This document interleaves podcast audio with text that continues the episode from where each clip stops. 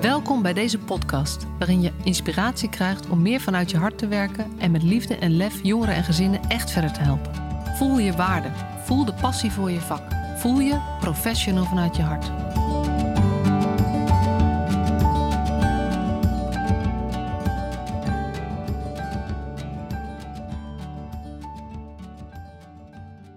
Welkom weer bij deze nieuwe aflevering. En vandaag praat ik met Maurits Boten. Welkom Maurits. Ehm, om even meteen in de, de diepte van het thema eh, te vallen. Ben jij een professional vanuit je hart? Ehm, ik denk het wel. Ja, als, als ik het baseer op wat er in jouw boek staat, denk ik dat ik dat best wel doorleef en eh, wel zo werk. Ehm, ik zie mezelf alleen niet als zo'n. eh, ik ben nog niet genoeg in het eigen leven in contact met mijn hart, dat ik ook denk dat ik in het werk altijd uit, vanuit mijn hart werk. Eh, mijn mijn hoofd is nogal groot, dus ik denk ook veel. maar op basis van jouw boek denk ik dat ik eh, zeker wel professional vanuit mijn hart ben. Het is een heel eh, een, een antwoord dat eh, ook weer heel veel vragen oproept. Eh, maar eh, voordat we dan daarin duiken, want ik denk dan van, joh, wat, en, welk, wat zou je dan nog meer willen? Zeg maar, waar gaat het dan jou over? Maar voor mensen die jou niet kennen, wie is Maurits?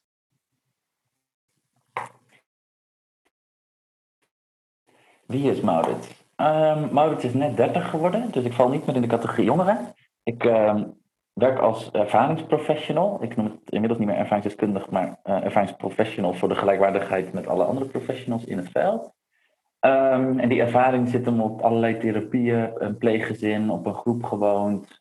ehm, anders zijn vanuit mijn homoseksualiteit. Ehm, maar ik ben inmiddels voorbij het, ik deel mijn ervaring op een podium en ik krijg een reep chocola, zeg maar. ik eh, deel eigenlijk helemaal niet zo vaak meer letterlijk mijn ervaring, maar ik ben meer een soort veranderaar in de jeugdzorg. Ik noem me ook wel eens uh, gelijkwaardigheidswerker. Dus ik denk op allerlei plekken mee uh, hoe we de jeugdzorg uh, gelijkwaardiger kunnen krijgen vanuit mijn ervaringskennis. Ja, oké. En uh, ja, dat is wel heel leuk, hè? want ik heb natuurlijk de, de slogan had ik uh, met de, op, op weg naar een, een, liefdevolle jeugdzorg. En die hadden jullie als experts eerst ook. En ik zag laatst staan liefdevolle en gelijkwaardige jeugdzorg. Ja, het is een mix geworden. Ja, en ik neig er eigenlijk naar om ja. die ook over te nemen als het mag van jullie. Want ik, dat is ook waar ik echt voor sta. En ehm, ik vind het heel mooi. En je noemt dat nu ook, ja. van het gaat om gelijkwaardiger maken van de jeugdzorg. Waar, kan je er iets meer over vertellen, wat je daarmee bedoelt? Ja, eerst de toestemming om het te gebruiken, want het is met belastinggeld, uh, gemeenschapsgeld gemaakt. Dus uh, het is van iedereen.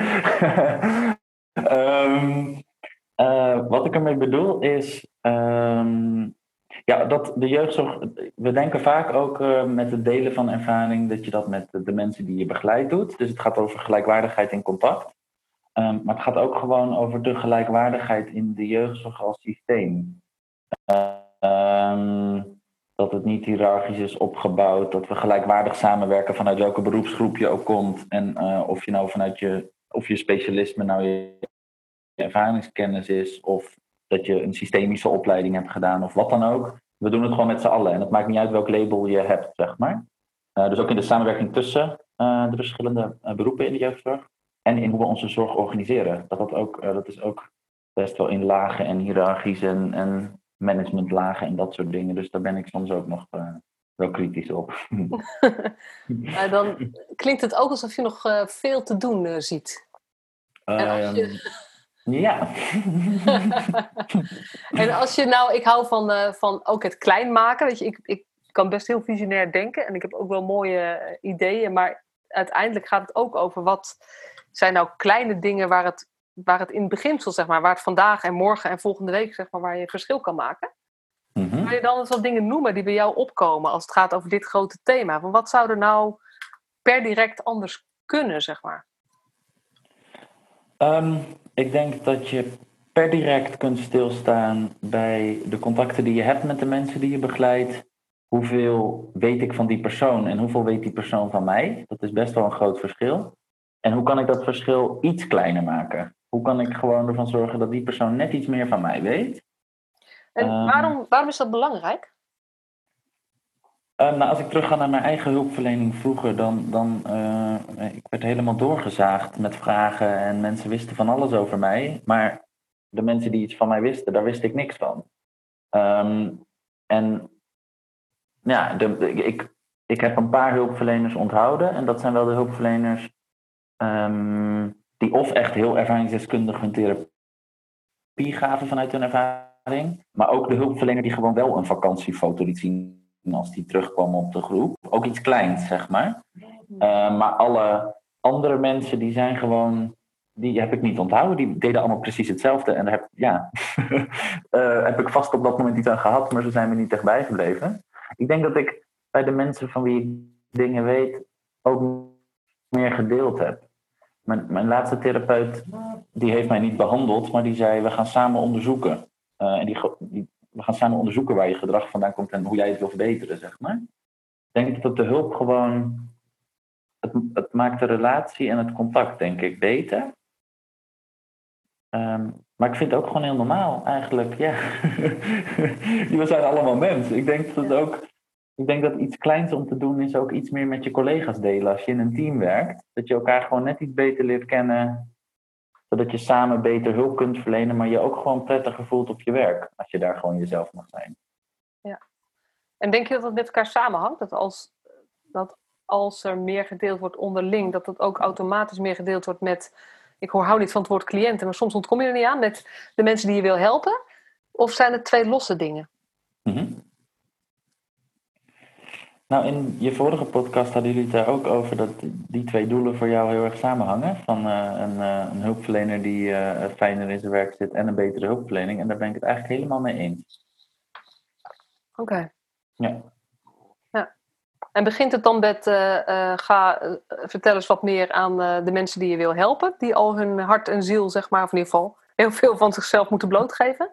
Of begint het bij delen met collega's? Ik denk dat best veel mensen stiekem met de mensen die ze begeleiden echt al wat delen. Ehm, en dat de, de grootste stappen nog te maken zijn bij eh, deel het in je team en deel het met collega's. Ik weet niet wat, wat de eerste stap is, want ja, de, de een deel, die stappen zijn voor iedereen denk ik anders. Maar ik denk dat het meeste werk nog wel te doen is aan het stigma ervan afhalen dat je het met collega's deelt. Ja, het is, ik vind het. Ik had het was een beetje vergeten van tevoren eh, hoe ik dat precies moest invliegen. Maar dit raakt wel Mhm. aan een mail die ik kreeg. Naar aanleiding van, de, eh, van een eerdere podcast die ik opgenomen heb over verbind je met de ander. Waar ik ook echt inga op, joh, deel nou dingen met, eh, met de mensen die je wilt helpen, die je begeleidt. Mhm. En zij schreef mij ehm, eh, dat zij zelf, ze, is, ze is nu professional en ze werkt nu zelf in de, in de jeugdzorg. En zij staat dus daar nu voor dat ze eigenlijk denkt, ja, ik, ik heb nog nooit aan een collega verteld over mijn geschiedenis. Want ik ben bang wat, wat, het, wat er dan gebeurt met hoe ze tegen mij aankijken. Mhm. En ergens voelt het niet meer oké. Ik wil dat wel, maar help hoe? Ja. Kan je daar eens iets over vertellen? Ja, ik herken dit heel erg uit. eh, Ik heb in een vakteam gewerkt. En eh, eh, mensen durfden pas na een tijdje iets te delen als hun positie een beetje veilig was of zo. Dat je gewoon weet van ik word serieus genomen op mijn vak. Eh, dan mag ik nu ook mijn mens laten zien. Ehm, maar ik denk wel, hoe langer je het uitstelt, hoe moeilijker het wordt. Zeg maar. hoe langer je. eh, als je al drie keer op bezoek bij je ouders weer bent geweest, terwijl je eigenlijk wilt vertellen dat je homoseksueel bent, de vierde keer wordt het alleen maar moeilijker, want je hebt het al drie keer niet gedaan, zeg maar. Dus je, ik denk dat het een soort van, het, het, wordt, het wordt ook heel groot als je het uitstelt. Terwijl, wat ik wel heb gemerkt is als één iemand het doet, dat er een soort van zucht van verlichting in de ruimte ontstaat, omdat eigenlijk de meeste mensen het eigenlijk al lang hadden gewild. Er moet gewoon één iemand de eerste zijn, denk ik. En ben jij vaak die eerste geweest? Of ben jij vaak die eerste? Mm.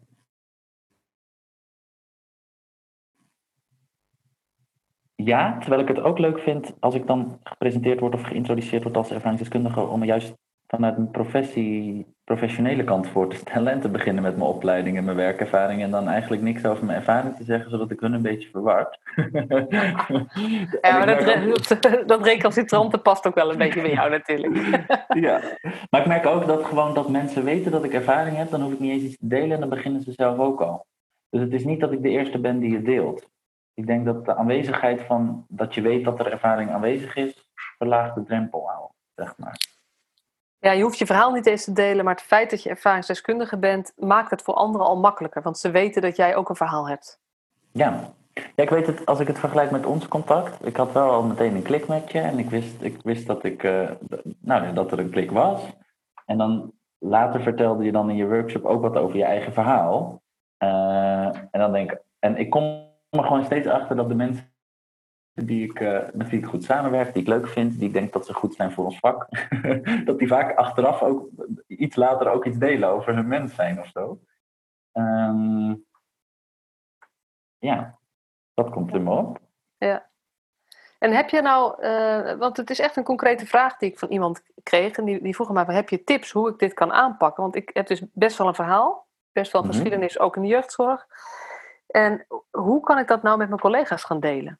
Zonder dat ze tegen mij gaan aankijken als het geval. Of uh, dat ze vervolgens mij alleen nog maar kunnen zien met dit verhaal uh, op front, zeg maar. Ja. Mm. Ik, ik denk als die, als die persoon al een beetje kan inschatten van collega's, zou ik het misschien ook fijn vinden om eerst even een kopje koffie te drinken met een collega van wie je sowieso weet dat die uh, er helemaal oké tegenover staat. Of van wie je denkt of weet of hebt gehoord dat die ook ervaring heeft.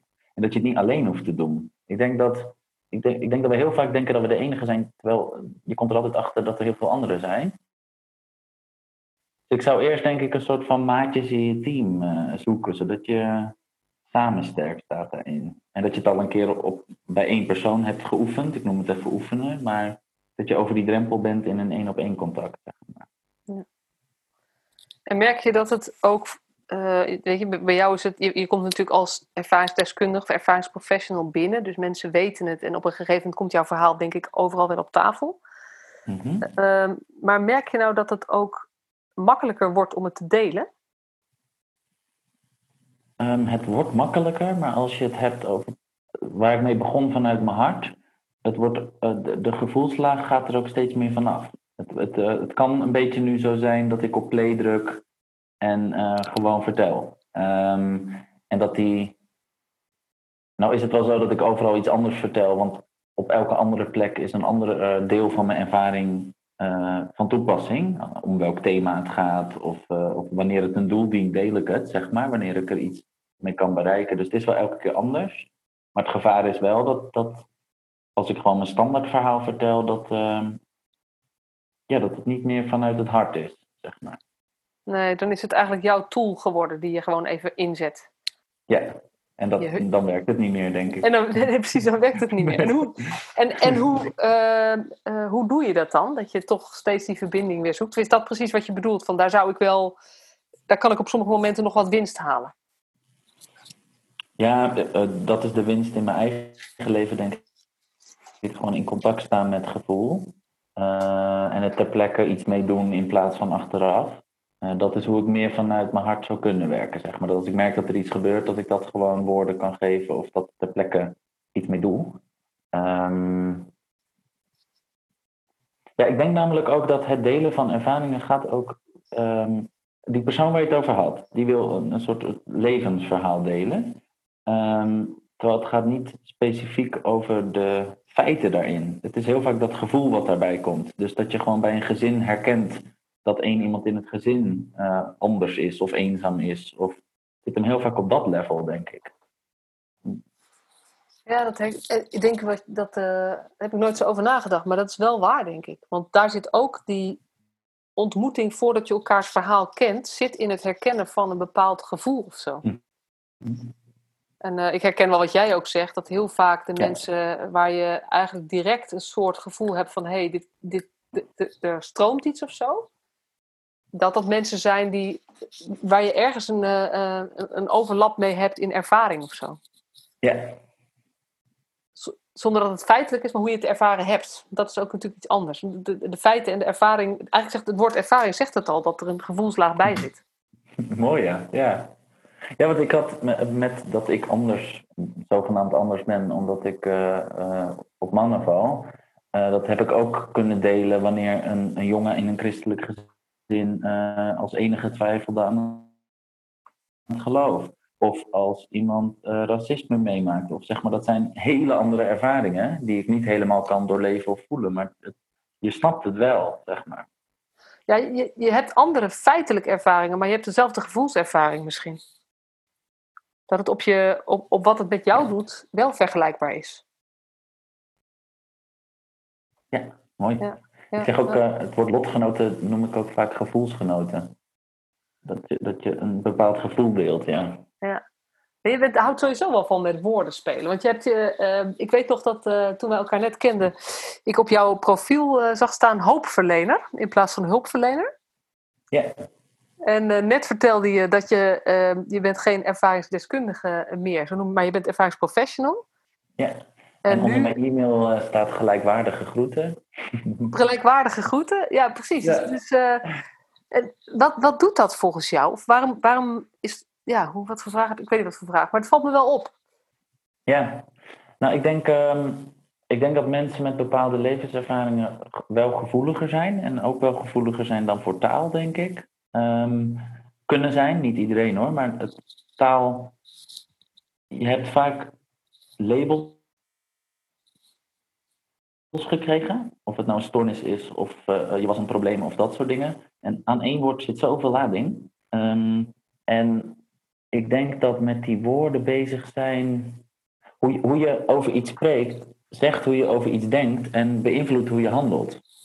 Um, dus ik ben gewoon, ik, ik ben constant alert als ik ergens in een, in een overleg zit en ik hoor iets in de taal. Dat, dat koppel ik meteen aan hoe mensen dan dus denken en dus handelen.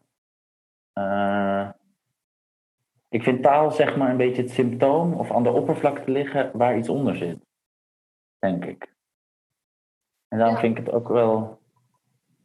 En ik, het zit hem ook in, in in dat destigmatiseren, ik heb ook onder mijn e-mailhandtekening staan dat ik uh, een stemmingswisseling heb. Dus dat ik ook wissel in hoe goed ik ben in het antwoorden van mijn mail.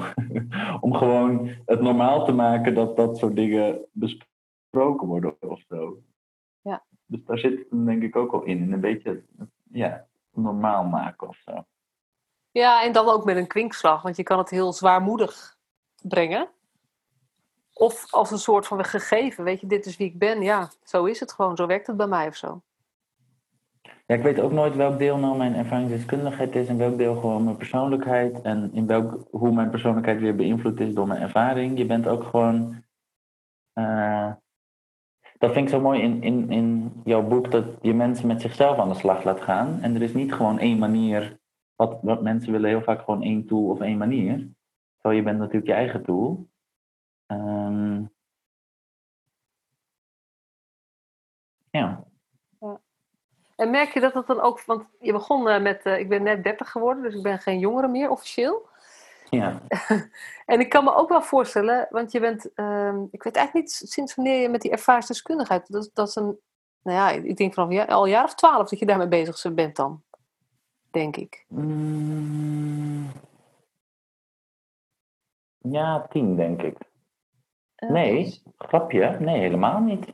Het voelt zo lang. Maar Expex bestaat zes jaar en dat was voor mij wel de omslag.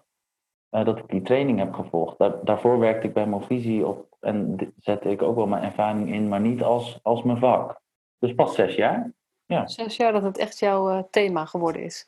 Ja. ja. Ja, dat wel, want mijn vraag was eigenlijk, is eigenlijk, um, naarmate je nu dan nou ja, niet meer de jongere bent, maar je mm -hmm in een andere positie ook komt ten opzichte van de, de expats, de huidige expats, die um, gewoon wel nog jong zijn en uh, uh, direct uh, als vervolg op hun ehm, verblijf of hulp daar, daaraan meedoen. Ehm, ver, verandert het ook voor jou de plek die de ervaring heeft in het verhaal van je leven of zo? Want je, ja, ik moet een beetje een vage vraag. Er is natuurlijk uh, jeugdzorg ergens, dat is voor iedere jongere verschillend. Maar als je 18, 20 bent, soms 22, dan ehm, wordt het, de rol van de hulpverlening in je leven kleiner. Laat ik het zo formuleren. Mhm. Ehm, en als je dus 22 bent, dan is het nog maar heel pril en heel kort geleden. En nu heb je er letterlijk gewoon wat langere uh, periode tussen zitten. Mhm. En verandert dat dan ook iets in de, de plek die, die, die het vertellen van je verhaal van toen, zeg maar, ehm, neemt? Ja, ja ik, uh, ondanks dat je het een beetje vraagt. Ja, ik blijf nog steeds een beetje zoeken hoe ik het moet beschrijven. maar... Ik, denk dat ik wel een beetje begrijp waar je uh, gedachten heen gingen. Ehm, in het begin was ik veel meer mijn ervaring aan het inzetten, uh, mijn individuele ervaring. Ehm, en nu veel meer de collectieve ervaring, omdat ik gewoon heel veel jongeren inmiddels heb ontmoet en gesproken. En dan, dan ontdek je, zeg maar, uh, rode lijnen in de verhalen. En ik denk dat ik in het begin veel meer op de symptoombestrijding zat van een klein probleem en nu veel meer systeemverandering wil. En dat ik ook veel minder zelf uitvoer en veel meer faciliteer zodat anderen kunnen delen en hun positie kunnen pakken en ruimte kunnen krijgen.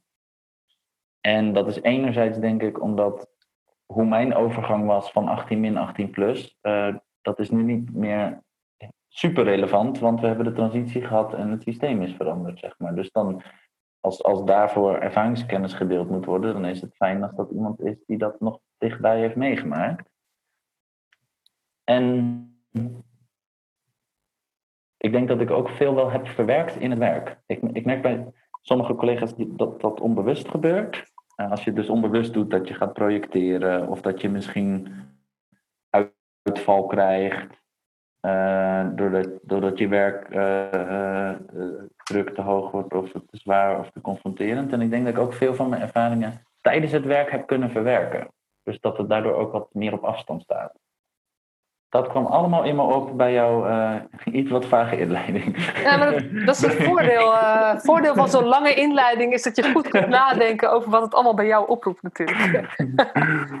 maar um, dit Hoe is dat bij jou gegaan? Je, je rol van ervaring in je werk? Of ervaringskennis? Mm, nou ja, ik denk, weet je, ik heb natuurlijk niet zoals jij um, een, een jeugdzorgverleden. Mm -hmm. Ik heb wel... Uh, um, eh, een verleden dat ik me als kind heel alleen voelde en ook helemaal niet gesteund voelde thuis. Dus in die zin ehm, kom ik er steeds meer achter dat dat in ieder geval ook even overeenkomt met het gevoel dat veel jongeren hebben die wel met jeugdzorg te maken krijgen. Ja. En um, voor mij persoonlijk, uh, mijn drive was: uh, geen enkel kind mag zich zo eenzaam voelen als ik. Uh, En mm. in mijn situatie hing dat toch wel erg samen met hoe ik ben opgegroeid. En, en nou, de mogelijkheden die mijn ouders daarin hadden om goed bij mij aan te sluiten.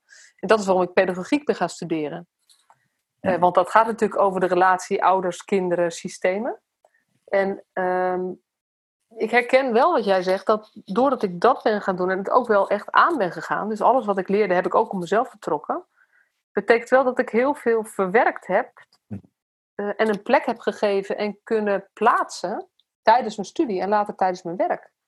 Ja. Met, uh, met studiepedagogiek en toen uh, later de contextuele hulpverlening, die ook gewoon hele waardevolle informatie geeft en heel veel inzichten op hoe dat dan werkt. En ehm, ja, dus, dus heel, het heeft mij heel erg geholpen, denk ik, om ook volgende stappen te zetten. En op een gegeven moment merkte ik toen, weet je, want dat is toch voor een deel is het dat op het niveau van snappen. Hoe het werkt, dat het logisch is, bepaalde dingen logisch zijn. Dat mijn ouders ook het beste gegeven hebben wat ze konden, zeg maar. Want dat geloof ik oprecht. Um, dat ze in die zin ook niks uh, fout gedaan hebben of hen niks te verwijten is, maar dat ik wel tekort gekomen ben. Zeg maar. Daar, ja. zo, zo zit het bij mij heel erg. Dus dat onschuldigen. Mm -hmm. En toen was ik een jaar of dertig. Uh, en toen merkte ik dat ik het wel snapte en kon plaatsen, maar dat het me toch nog belemmerde in wie ik was en hoe ik uh, in het leven stond of zo. En toen kwam bij mij een laag dieper erbij, dat ik dacht, ja, weet je, ik heb wel patronen daardoor geleerd, die niet zo handig meer zijn in het hier en nu. En toen uh, ben ik via de weg van persoonlijke ontwikkeling, met transactionele analyse, NLP, systemisch werken, heb ik voor, voor mijn gevoel nog een laag dieper gehad in het verwerken van, en vooral niet meer per se het verwerken, maar een andere betekenis geven aan hoe mijn leven eruit kan zien. ondanks het feit dat je dingen ervaren hebt die je ervaren hebt. Dus uh, een deel is automatisch gegaan en een deel heb ik ook wel bewust opgezocht. Omdat ik niet wilde dat wat mijn ervaringen waren, dat dat de rest van mijn leven zou bepalen. Ja. En dat is wel een soort keuze voor mijn gevoel. Hoe kijk jij daar tegenaan? Nou, ik denk, het klinkt alsof jij heel bewust gekozen hebt om het aan te gaan. Ik denk dat dat, het, dat, dat heel bewust is, maar dat heel veel mensen onbewust dit vermijden. Ik denk dat als je, als je zeg maar teruggaat naar wat er je is overkomen, um, dan ga je ook weer naar de pijn of naar, zeg maar, alsof je een, een wond weer openmaakt. Um, en dan moet je wel de juiste mensen om je heen hebben of de juiste, bij jou dan bijvoorbeeld een opleiding, om die wond dan wel weer te genezen zodra die open gaat. Of um,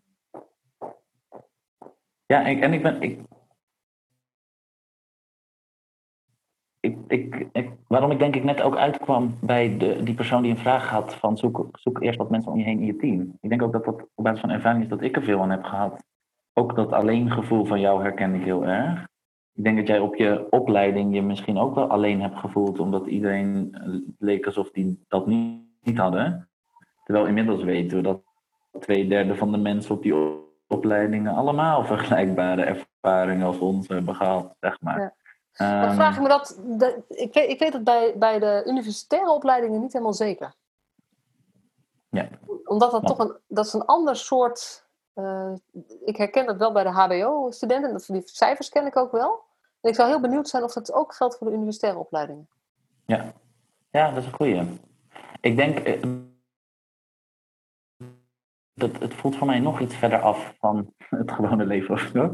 Maar ook, je ziet ook dat bij de implementatie van ervaringsdeskundigheid, dat de, de hoogopgeleide beroepen, of de, dan de wetenschappelijk opgeleide beroepen, het meest vasthouden ook aan die beroepsidentiteit. Het kwam uit een onderzoek van Windesheim dat de gedragswetenschappers en de therapeuten, die hebben heel erg dat, dat beroep als, als schild of als masker of zo. Dus, dus als we het net hadden over ga je het aan of vermijd je het, hebben ze ook iets meer tools om te vermijden misschien.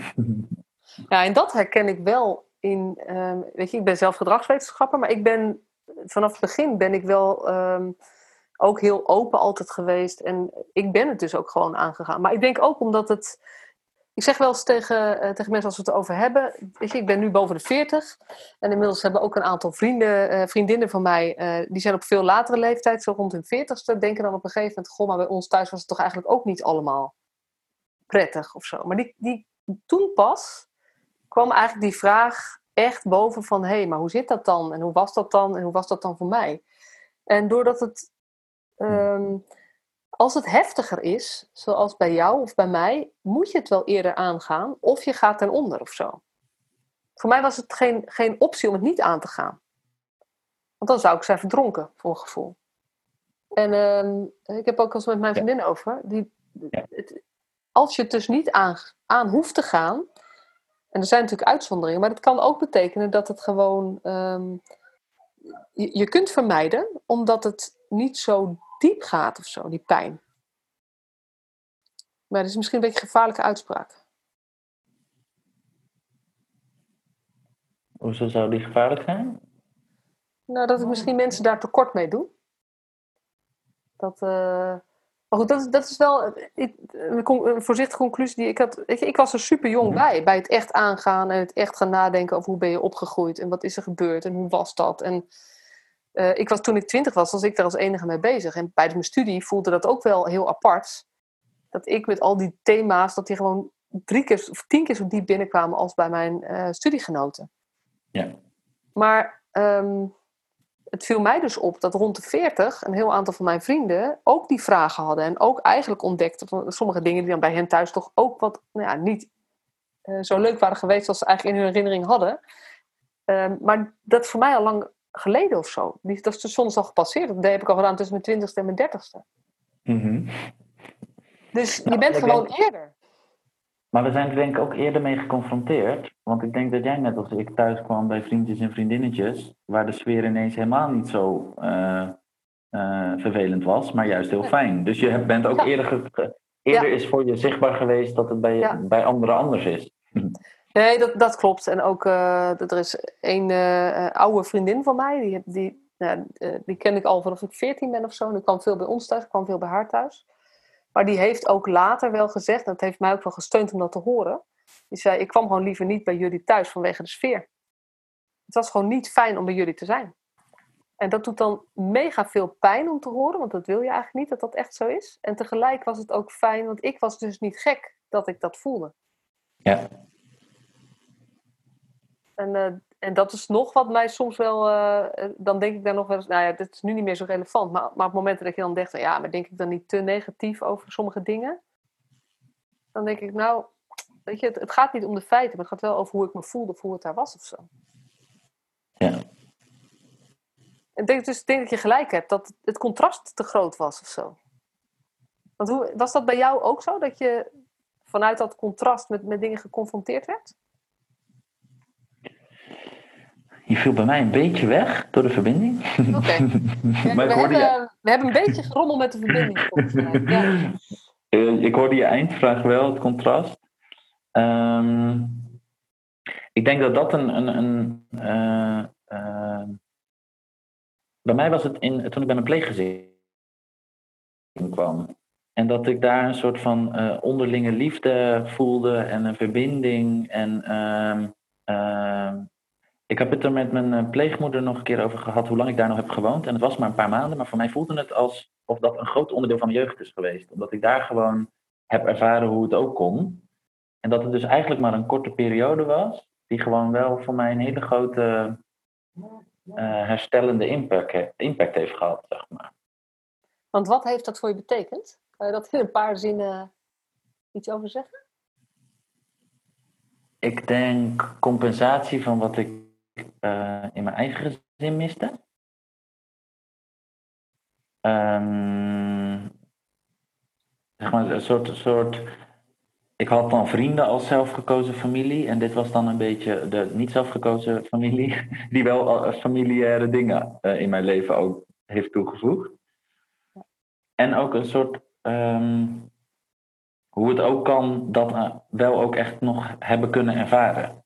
Ook al was het maar de laatste tijd van mijn jeugd, dat ik wel ook nog een periode heb ervaren hoe het, hoe het anders kan. Ja. Ja.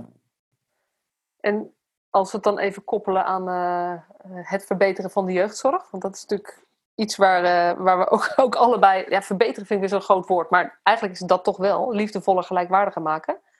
Mm -hmm. wat, wat zitten daar dan voor lessen in voor jou? Als, als we jongeren die nu het slecht hebben thuis of het moeilijk hebben thuis.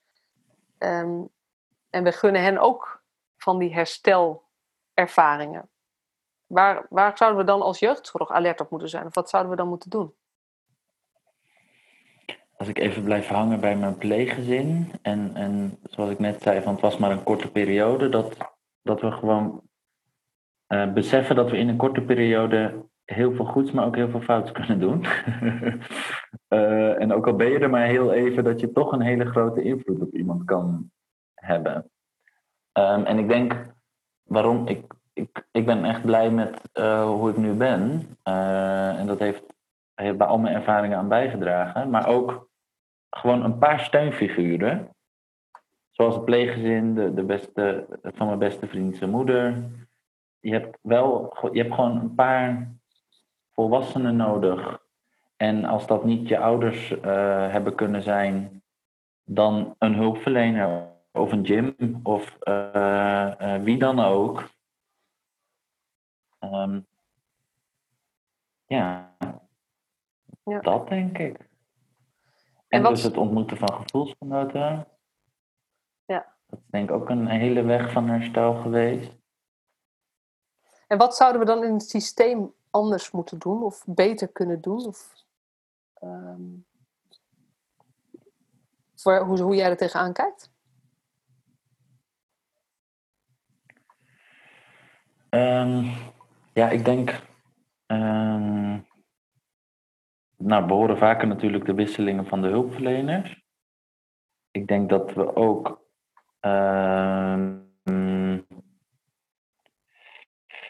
Kijk, dat pleeggezin had eigenlijk best veel vrijheid. de, de, ik ben daar uh, uh, geplaatst en uh, ze kregen soms een gesprekje ter begeleiding, maar verder hebben ze zelf mogen beslissen hoe ze deden. Dus ik denk ook door meer te vertrouwen op het vakmanschap en op de hulpverleners en die ehm, het niet helemaal vanuit angst te organiseren, maar vanuit vertrouwen. En ehm, te beseffen dat maar een klein gedeelte de behandeling is en een groot gedeelte degene die die behandeling geeft. Ehm, of blijf ik dan te vaag? Nee, voor mij niet. maar, maar als je dat dan vertaalt in, in weet je, dit, dit zijn systeemdingen inderdaad. Wat betekent dat van, voor de professional die hier nu naar luistert misschien? Nou ja, um, het klonk net alsof, alsof het systeem de professional moet vertrouwen, maar de professional mag ook vertrouwen op dat wat hij doet goed is. Um, en dat er gewoon zijn al goed is. En ik, ik weet nog dat ik zelf dan wel eens naar een gezin ging en dan had ik zes dingen gepland om te doen. En dan waren er maar vier gelukt en dan dacht ik, het is eigenlijk te weinig, want ik moest zes dingen doen, bij wijze van spreken. Terwijl, al had ik al die zes dingen er niet gedaan, maar was ik gewoon heel even op bezoek geweest. en gewoon even, dat, dan was het al goed, zeg maar. Um, dus ik denk dat, dat professionals de lat voor zichzelf, de lat voor de, zeg maar, de mensen die je begeleidt, die mag wel hoog zijn, omdat je daar veel voor wil bereiken. Maar de lat voor jezelf soms gewoon laag houden. Dat, dat je er bent, wat je ook doet, is vaak al goed. Ja. Ja, mooi. Kijk, ik herken dat ook wel hoor. Dat, dat, um, en dat komt, ik, ook, dat, het, komt ook wel door die angstcultuur die er is en sturing op protocollen en dingen en, en methodieken. Is dat mm professionals, of ze wel of niet goed hun werk doen, voor een deel afmeten aan het feit of ze gedaan hebben wat ze moesten doen volgens die protocollen of checklists of dingen. Ja. Eh, zo, en zo gaat het in de praktijk toch ook vaak wel. Dat daar word je op ja, afgerekend, klinkt een groot woord. Maar daar wordt wel naar gekeken. Mhm. En um, um, hoe moet je ja, dan als professional je daarin verhouden?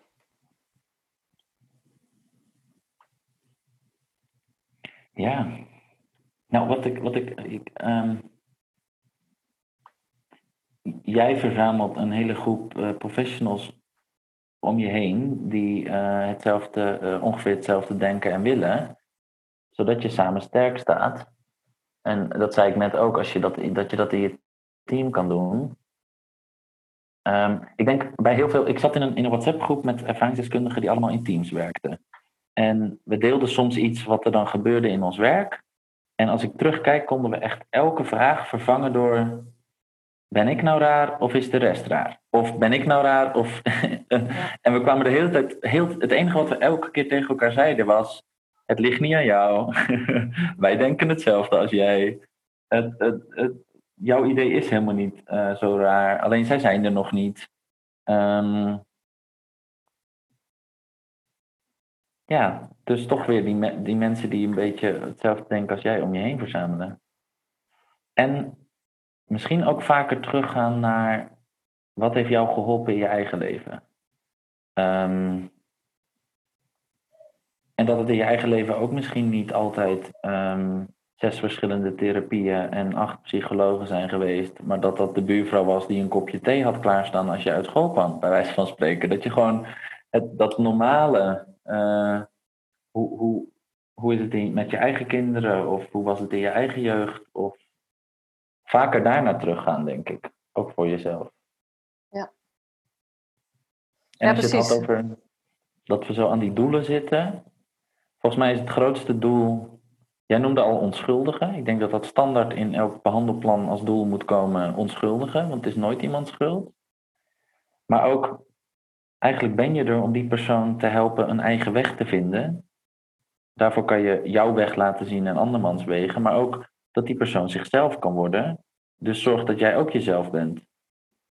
Je bent eigenlijk een soort levend voorbeeld voor de ander. Dus dat zit hem allemaal echt niet in alles wat je in, de boeken en de protocollen en in je systeem uh, met de doelen hebt staan, zeg maar.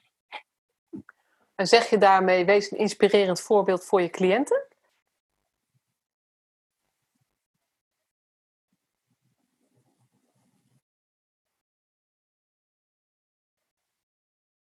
Blijf lang stil. Zonder dat al. oh, dat zat weer vertraging. vertraging. Hoorde je mijn vraag wel? Ik zal mijn vraag nog een keer stellen. Uh, zeg je daarmee... Ja, wees, uh, of je een inspirerend voorbeeld uh, ja. moet zijn. Ja, en ik denk, wees het niet bewust dat je inspirerend wilt zijn, want je bent het al door gewoon jezelf te zijn en normaal te doen. en met normaal doen bedoel je uh, drink een kopje thee uh, in plaats van werk aan het doel? Ja, en, en uh, het is ook heel normaal dat je je dag niet hebt, of het is ook heel normaal dat je het even niet weet. Deel dat ook. Ja. Zo'n inspirerend voorbeeld, dan heb ik meteen het beeld van je deelt dat je nu gestopt bent met een middel gebruiken en dat je een baan hebt gekregen. En dat, dat beeld krijg ik bij een inspirerend voorbeeld. Zo van, oh, wat heb ik het nu allemaal goed. Zo, ik vind het juist inspirerend als je ook deelt dat jouw leven ook niet uh, alleen maar roze geur en uh, wodka lime is. Eigenlijk deel juist je, uh, ook jouw eigen fuck-ups en je eigen um, struggles. Want daarin zoek je natuurlijk ook die gelijkwaardigheid. Want, want als, als er een uh, jeugdprofessional bij een gezin komt of bij een jongere, dan gaat het over hun shit. Ja. Dus als je dan gelijkwaardigheid wil, moet je ook iets van je eigen shit, zeg maar, daarin delen. En uh, inderdaad niet uh, al je successen alleen maar in ieder geval. Nee, en als je het echt gelijkwaardig wil krijgen, betekent het niet dat je je eigen shit verhoogt, maar ook de successen van de ander. Dus dat je ook dat, dat uh, competentiegerichte positieve bij de ander, dan breng je het extra in balans. Als die persoon niet alleen maar het probleem is en alleen maar zijn shit is. Ja. Dus eigenlijk moet, als je het ziet, ik zie dan meteen schuifjes vormen, dat je bij de ene schuifje wat eigenlijk hoger staat naar beneden doet en bij de andere, dat, dat, die shit en de successen. We hebben weer een slogan voor een nieuw boek. Ja, goed. Of een nieuw artikel, hè? Kan ook. Of een nieuw artikel. dat is wat haalbaarder dan een nieuw boek. Want een boek is toch wel een hele bevalling. oh ja. Ja en, nou, ja, en het is wel mooi, want ik, spreek ook wel um, uh, mensen en die hebben het steeds vaker over de kwaliteiten van jongeren. Gaan we ook zo aan voorbij. En hun talenten. En um, ja. Uh, zeker als het jongeren zijn die uh, die, die in de jeugdzorg terechtkomen. En nou ja, er is veel aan de hand. Dan gaat het steeds meer over hun gedrag. En hoe kunnen we dat een beetje binnen de bocht houden? Terwijl het dan helemaal niet meer gaat over waar ben je nou goed in, waar word je blij van. Uh, en, en, en welke dromen heb je en hoe kun je die waarmaken? En ik geloof eigenlijk wel dat, dat veel meer daarop aansluiten ook gaat helpen bij dat, weet je, dat hebben over gedrag. Dat is voor, voor jongeren al helemaal niet motiverend, inspirerend om blij van te worden. Want het is alleen maar op het negatieve stuk. Dus je moet veel meer aansluiten op wat hun, hun dromen zijn. En hun, hun kansen en hun wensen en hun kwaliteiten. Ja. ja en toen je zei artikel, ik had dat artikel geschreven van hulpverleners maken van je shit mest. Ehm, maar alle dingen die jij noemt van, van de mensen die we begeleiden, dat is ook mest. Je kwaliteit, je talenten, dat zijn allemaal ja. dingen die vruchtbaar zijn en waar je op kan bouwen. Dus ja, meer, wel, ik denk dat eh, hulpverleners meer met hun... Ja. ja, en dat is natuurlijk uh, ervaringsdeskundigheid of ervaringsprofessionals. Gaat ook in eerste instantie toch over die shit-ervaringen. Hoe deel je die op een goede manier dat het ook mhm. bijdraagt aan. Dus dat, dat, andere stukje ernaast van de kwaliteiten hoger, uh, zeg maar meer aandacht geven. Dat zijn bij, het, zijn bijna, het zijn niet losse stukken, maar ze zijn wel ergens een beetje los van elkaar of zo. Ja, dus uh, nou joh, wat een verrijking. En dan gaan we gewoon het, inderdaad het ene schuifje wat meer en het andere schuifje wat uh, minder, zeg maar. En dan een tegengestelde beweging bij uh, professionals en de mensen die we begeleiden. Ja. Mooi. Weet je dat ik nog, er is nog iets blijven hangen? Omdat jij het idee hebt dat je mensen tekort deed, halverwege. Ja. Ja, waarom is dat? Dat is op de een of manier blijven hangen, omdat ehm, dat, dat zou een soort uh, waardeoordeel of zo aan een gradatie aan pijn veronderstellen. Terwijl ik denk, als je. Um,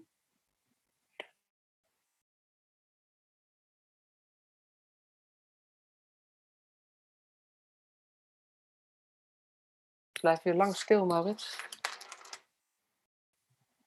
Ik, ik merk het zeg uh, Jason zei bijvoorbeeld van, uh, nou, ik ga er iedereen. En ik merk dat bij mezelf ook. Dat ik dacht, ja, is dit nou. Uh, ik, ik vind ook wel rust. En er zijn wel ergere dingen in mijn leven gebeurd dan dat ik even een weekje binnen moet blijven. dus ik denk ook naar dat hoeveel je hebt meegemaakt. Um, hoe zeg ik dit? Het is een hele slechte vergelijking, maar um, voor sommige mensen is een lege mobiel al het grootste probleem op aarde, omdat je gewoon niet zoveel gewend bent. Terwijl voor andere mensen is uh, uh, voor de derde dag achter elkaar niet kunnen eten, uh, wat ze eigenlijk, de, zeg maar, het is niet te vergelijken. Nee, nee dat, mooi punt wat je denk, maakt. Ja. Ik heb, en dit doet mijn les, ik heb bij de kindertelefoon gewerkt tijdens mijn studie. Wat ook heel, als je het hebt over therapeutische ervaringen, mm-hmm. was dat natuurlijk ook. het is geen therapie, maar het is wel iets waar je, je moet een stuk van jezelf ook opzij zetten om dat werk goed te kunnen doen. Om goed aan die telefoon te kunnen reageren op de vragen van kinderen die met van alles komen. Mm-hmm. En de, uh, wat me daar ook bijgebleven is, is dat in die opleiding heel erg zit. Voor het ene kind is het net zo erg als de hamster doodgaat, als de ander ja. dat hij vier keer per week uh, misbruikt wordt door zijn vader. En het is even erg voor dat kind. Ja, dat gaat weer over die beleving van de ja. ervaring en het gevoel wat je erbij ja. hebt en niet het feitelijke ervaring. Ja, ja, ja, ja. ja nee, scherp, mooi. Mooi, dat is ook zo. En, en, daarmee doe je ook altijd iemand recht. Dus het, het gaat ook niet om dat, hoe erg het is wat je meegemaakt hebt, maar het gaat om dat je deelt wat je meemaakt. Ja. En hoe je je erbij voelt of hoe het voor je is.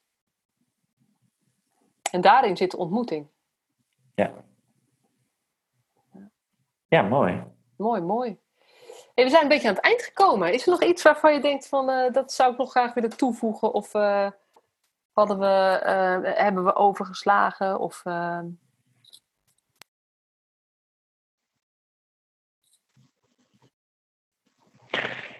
Uh, misschien, nou wat, omdat je zei dat ik zo van de woorden ben. um, nou, kijk, je hebt het woord maatwerk. En dat is een beetje zo'n luchtig begrip geworden, maar ik denk dat dat gewoon echt is wat het is. Um, ervaringen delen is niet per definitie goed. Uh, je hebt ook dat je gewoon een hulpverlener functioneel wil inzetten, want die moet gewoon een huis voor je regelen. Dus ik, niet dat het pleidooi is van gooi maar altijd alles open, zeg maar. Het blijft gewoon net als met alles wat je doet, afstemmen, uh, met elkaar reflecteren. hey, ik heb net iets gedeeld, hoe vond je dat? Dus, dus niet dat we preach